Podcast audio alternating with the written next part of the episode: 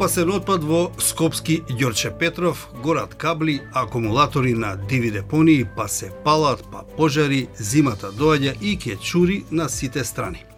Што би се рекло ке дишеме или веќе дишеме на шкрги. Домашните медиуми ќе ги пренесуваат ранг листите за најзагадените градови во светот, а во нив загарантирани места има за неколку македонски градови. Јас сум Зоран Ќука, а вие го слушате подкастот Зошто. Со нас во студиово е Јане Димески, советник на граѓанската иницијатива Шанса за центар. Здраво, Јане. Здраво, Зоки. Сите знаат, палат ваму, горат таму, опасен отпад во Скопски села се исторел и никому ништо. Зошто? Да. Зошто нема одговорност? Многу ни е слабо лоцирањето, фаќањето на виновниците во сите сфери кои што гледам од од животот во, во државава, а ова најверојатно и не се третира како некој голем злостор. Најверојатно кај кај властите тако такво некое ниво има. Мислам дека не само во оваа сфера, во сите сфери има проблем со фаќање на лошите. А, оние што ги прекашуваат законите, што не загадуваат околината, што градат диво, што крадат и така натаму. Најверојатно и овој проблем и не се ни смета како толку многу голем, најверојатно од страна на властите, па не се ни посветува некој големо внимание. Инаку ова трае е, како секоја година. Голем, како не е голем кога стално из, из, излегуваат во јавност податоци за тоа колку луѓе заболеле на дишните органи, па рак на белите дробови и така натаму. Да, тоа се статистики проблем... од Светска банка уште од пред колку 15 на години мислам кога се актуализираше цело прашање нови кои што се врзуваат директно со загадувањето на воздухот, не сум видел наши, например. Светски истражувања има, кои што само го ги продлабочуваат сознанието колку лошо влијае воздухот врз секој аспект на нашето живење и развојот и здравствениот аспект. Но да беше приоритетен, ќе ги фаќа. Барем еднаш ќе фата, ова секоја година дури и заморно станува како циклично се повторува во истите периоди од годината. Па добро, истиот разговор. Надлежните кога знае, знаат граѓаните, знаат и надлежните каде се палат тие акумулатори, Абсолютно. тие Да. И зашто никој не оди? Се сеќавате дека полиција, градот нема... купи и дронови за да ги следи, па едно време имаше неколку акции такви со дронови а, во кои што буквално ги фаќа на врдалиште, но не знаеме се никаде се тие дронови дали ги ги пуштаат. Не, еден од медиумите имаше интересна паралела направена дека денеска дроновите во светот се користат од разнесување на храна, лекови во во разни подрачја од светот, како оружје во Украина се користат, така и нас ги снема буквално ништо, за ништо не се користат, иако ги имаме. Среќа наша што е уште надпросечно топло, па барем за малку се одложуваат изјавите на надлежните фактори или кога ќе се притиснати политичарите дека права тие се за да дишеме чист воздух, ама демек овој проблем не се решал преку ноќ. Тоа го слушаме со години. Елем, нов буџет, нова зима, ново загадување, нова шанса, велите ви од граѓанската иницијатива. Да, и предходно, како што спомна, станува заморно повторувањето на истите теми во истите периоди секоја година, без да има некаков прогрес на, на ова поле, некој значителен прогрес. Значи, од кога почнавме да зборуваме, од тогаш а, поминати се моги, може 15 на години, од кога ова прашање во јавноста, дури во едни периоди беше и политичко прашање високо на изборите, а, не на минатиот, на предминатиот изборен циклус, а, но недостасува вистинска акција со која што на терен ќе се променат работите. Значи имаме размени на а, изјави политички, на, на флоскули, на пароли и така натаму. Реално на терен не гледаме промена. Овој пат нашето актуализирање беше со тоа што малце се задлабочивме во еден а, еден од типовите на загадување, односно во една на група на загадувачи која ја нема во досегашните а, акциони а, планови, во, во досегашните анализи за, за загадувачи и така натаму. Дури проверував и во оној план за чист воздух кој што го бе уште владата на Заев некаде во 2018 година, мислам, овие не беа спомнати. Значи, до сега не постоја како категорија. А тоа се јавните објекти. Тоа се објекти во собственост на државни органи, на министерства, во собственост на а, општини. Добро, Јане, ваше, го спомнавте се вашето истражување, па потоа ќе збориме и за начините или за политиката. Сега, ја те доживав како активист, како новинар, бивши или се уште може така се рече, и до сега си и политичари ти. Дали и вие не кажувате само флоскули? Еве, сте направиле како иницијатива а, истражување. Во Скопје, наведувате, сте мапирале над стотина јавни објекти, болници, градинки, училишта, касарни, судови и други установи кои користат нафта и мазут и покрај тоа што градот велите има централно парно грејење. Па видите дека во 2023 немало промена на начинот на грејење кај огромен број на јавни објекти за да се намали загадувањето на воздухот во зима. На ниво на држава 700 такви објекти сте лоцирале, сте ги мапирале, но што? Што сега? Сега ние го, го лоцираме овој дел од проблемот постојано се повторува дека загадувањето на воздухот е сложено прашање кое нели бавно се решава и така натаму и е составено од многу сегменти кои секој поединечно треба да се пристапи да се решава. Во тој мозаик сега ние, ние додаваме уште едно парче. Јавните објекти. А, ги попишавме, ги а, покажуваме практично на јавноста, бидејќи дури ние не бевме свесни за ово до пред една година, додека не почнавме да истражуваме. А, кој е обемот на овој проблем? А, сега на е државата. Државата треба да се направи план и да ги менува. Еден по еден, два по два, во зависност. Треба да одвои буџет. Значи, ова не е нова работа. Во соседството баш тој, тој пример го го слушнав пред неколку месеци на регионална конференција за загадувањето на воздухот која се одржа во Белград. Произлезе дека Србија која беше доста поназад во оваа тема воопшто во идентификувањето на загадувањето на воздухот како проблем. Тоа многу подоцна почна тоа се јавува како прашање во јавност.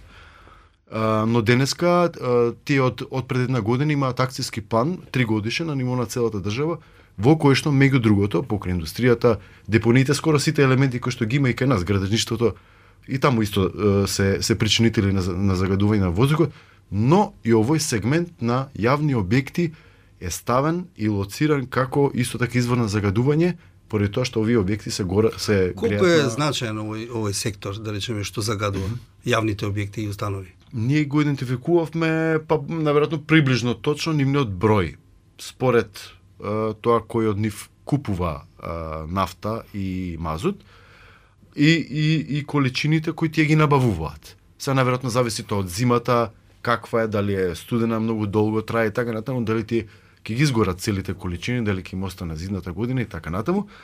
Но а, за количината на издувни гасови тука има наверно многу елементи за кои ние не сме квалификувани да ги пресметаме. Тоа наверно треба самото Министерство за животна средина, таму има стручњаци кои што се инженери од соодветните области за тие издувни гасови и машините и така натаму, бидејќи тука наверно зависи и староста на котелот во кој се грее, па каков е целиот систем и така натаму.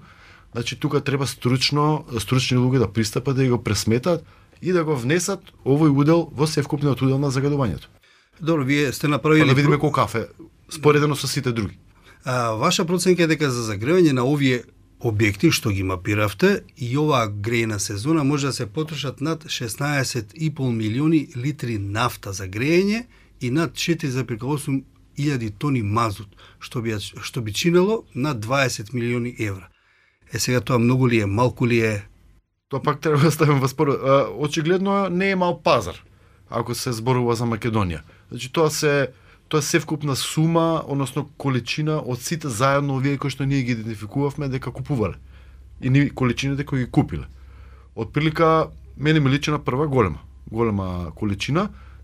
Ако се има предвид во мапирањето гледавме да ги обележиме точно институциите кои набавиле, колкава количина набавиле, од кого е набавиле, но и каде е точно лоцирана објектот на институцијата во е, градовите. Тоа не интересираше затоа што ако се тоа е, институции кои се разбиени нели во на некоја поголема површина, едната на едно брдо, другата на другиот крај на градот, така натаму, најверојатно уделот од нивното загадување не е некој страшно голем. Но тоа што не интересираше, за жал и се докаже дека скоро во сите градови во Македонија, овие институции се збиени како гроздови практично во централните делови на градовите. И сите заедно, на пример, во Битола има, може би мислам дека избори па околу 40 вакви објекти меѓу кои и а, неколку на мазут и многу на на нафта за грејење, кои истовремено ако е студена зимата, истовремено горат се загреваат со сето тоа. И ви имате на мала површина голема концентрација од објекти кои што се заедно кумулативно додаваат, мислам дека многу во тоа загадување и исто ако имаме предвид дека онаа температурна инверзија, оној капак кој што се јавува во Скопје, нели во котлината поради разликата во температурите, па поради кои не можат гасовите да излезат од котлината, тоа го имаме скоро во секоја во секој град, во секоја котлина во Македонија. И истото значи се случува сега концентрацијата на едно место е огромна на на вакви институции. И нема протести. Нема бунење големо кај народ, велите да сега да ги притиснеме пратениците во собранието и советниците да се заложат за мерки во буџетот за 2024 во нивните изборни единици и да дадеме шанса на сите општини да станат почисти. Јас пак се сеќавам дека имаше порано и протести, ама некако одзивот на граѓаните не беше на на ниво на проблемот што представува за државата во однос на загадувањето и здравјето. А, сите се жалат и сите се херои на социјални мрежи. Сега ќе почна да се постираат каде гори, каде се загадува, но зошто нема реакции до надлежните фактори?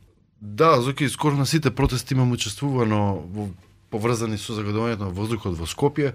Познавам и многу луѓе од другите градови кои протестирале. Дел од нив се влезени во исто слични граѓански иницијативи како нашата во локалните во општините нивни, во другите градови, а протестите никогаш не беа за воздухот, за квалитетот на воздухот масовни.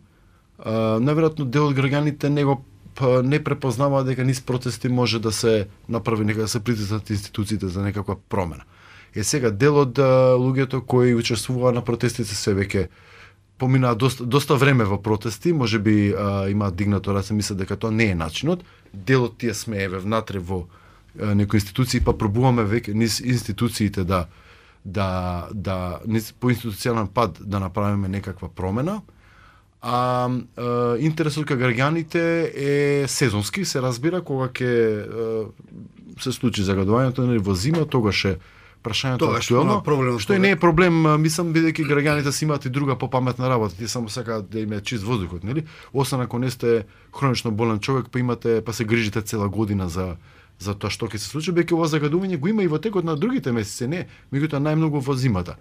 Проблемот е според мене тоа што и политичарите на ист начин размислуваат. Тие немаат онаа видос малку да да ги согледаат проблемите и да почнат да ги решаваат. Да, ги знаат кои кои бидат последиците. Предочени им се многу. И па што е чарето во ваква ситуација? Да продолжиме со притисокот.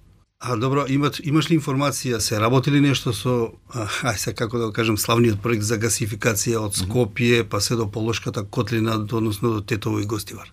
Да, гасот се, се споменуваше или се споменува често нели како решение за сите наши проблеми. А, и слушам и шеги често дека ќе се потроши гасот додека дојде во Македонија. Од оно последно што го знам, тоа исто така од медиумите, е истражување на, на призма дека е, гасоводот, трасата на гасоводот е заглавена некаде кај Лисиче, поради а, најверојатно злоупотреба на службена должност, која што веќе не е нели криминално дело, сега околу е некои парцели во, поврзани со луѓе кои што работеле во надлежни министерства кои биле одговорни за гасификацијата. Дека трасата е застаната тука некаде, дали има поширок проблем а, во врска со гасификацијата, а, немам немам други информации.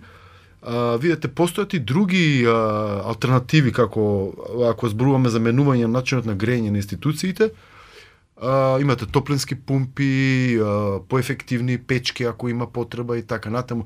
А, за мене е страшно, например, во Скопје што имаме 100 јавни објекти кои се греат на овие енергенси, а Скопје има централно парно грејење. И ден денеска не може да го проширите до централно парно грејење, иако во еден период кога се откажуваа многу луѓе а, од а, парното, бидејќи им беше скапо, ако се сеќавате аргументот тогаш на на градските власти беше колку повеќе корисници има, толку ќе биде поевтино за сите и поприфатливо, така. Е па ако ги уклучиме барем дел од овие големи институции кои што се големи потрошувачи на енергија на парното грејење, препоставам дека би било тоа добро за сите. Меѓутоа нејасно зашто власта не го направи тоа. Конечно а добро, вие го сте го предочиле тоа? Сега го предочуваме, бе. Мислам од кога ги увидовме на овој начин овие а, нови нови за нас наоди, овој за нас беа нови наоди практично. Јане, ти благодарам за разговорот. Тоа беше Јане Димески, советник во Скопската општина Центар. Слушајте не, следете не на подкастот Зошто на Слободна Европа и на Spotify, YouTube, Apple и Google Podcast. Кликнете на Зошто и давајте ни идеи и теми кои вие сакате да ги слушате, а ние ќе прашуваме преку нашите социјални мрежи. Поздрав од Зоран Ќука и Дејан Балаловски.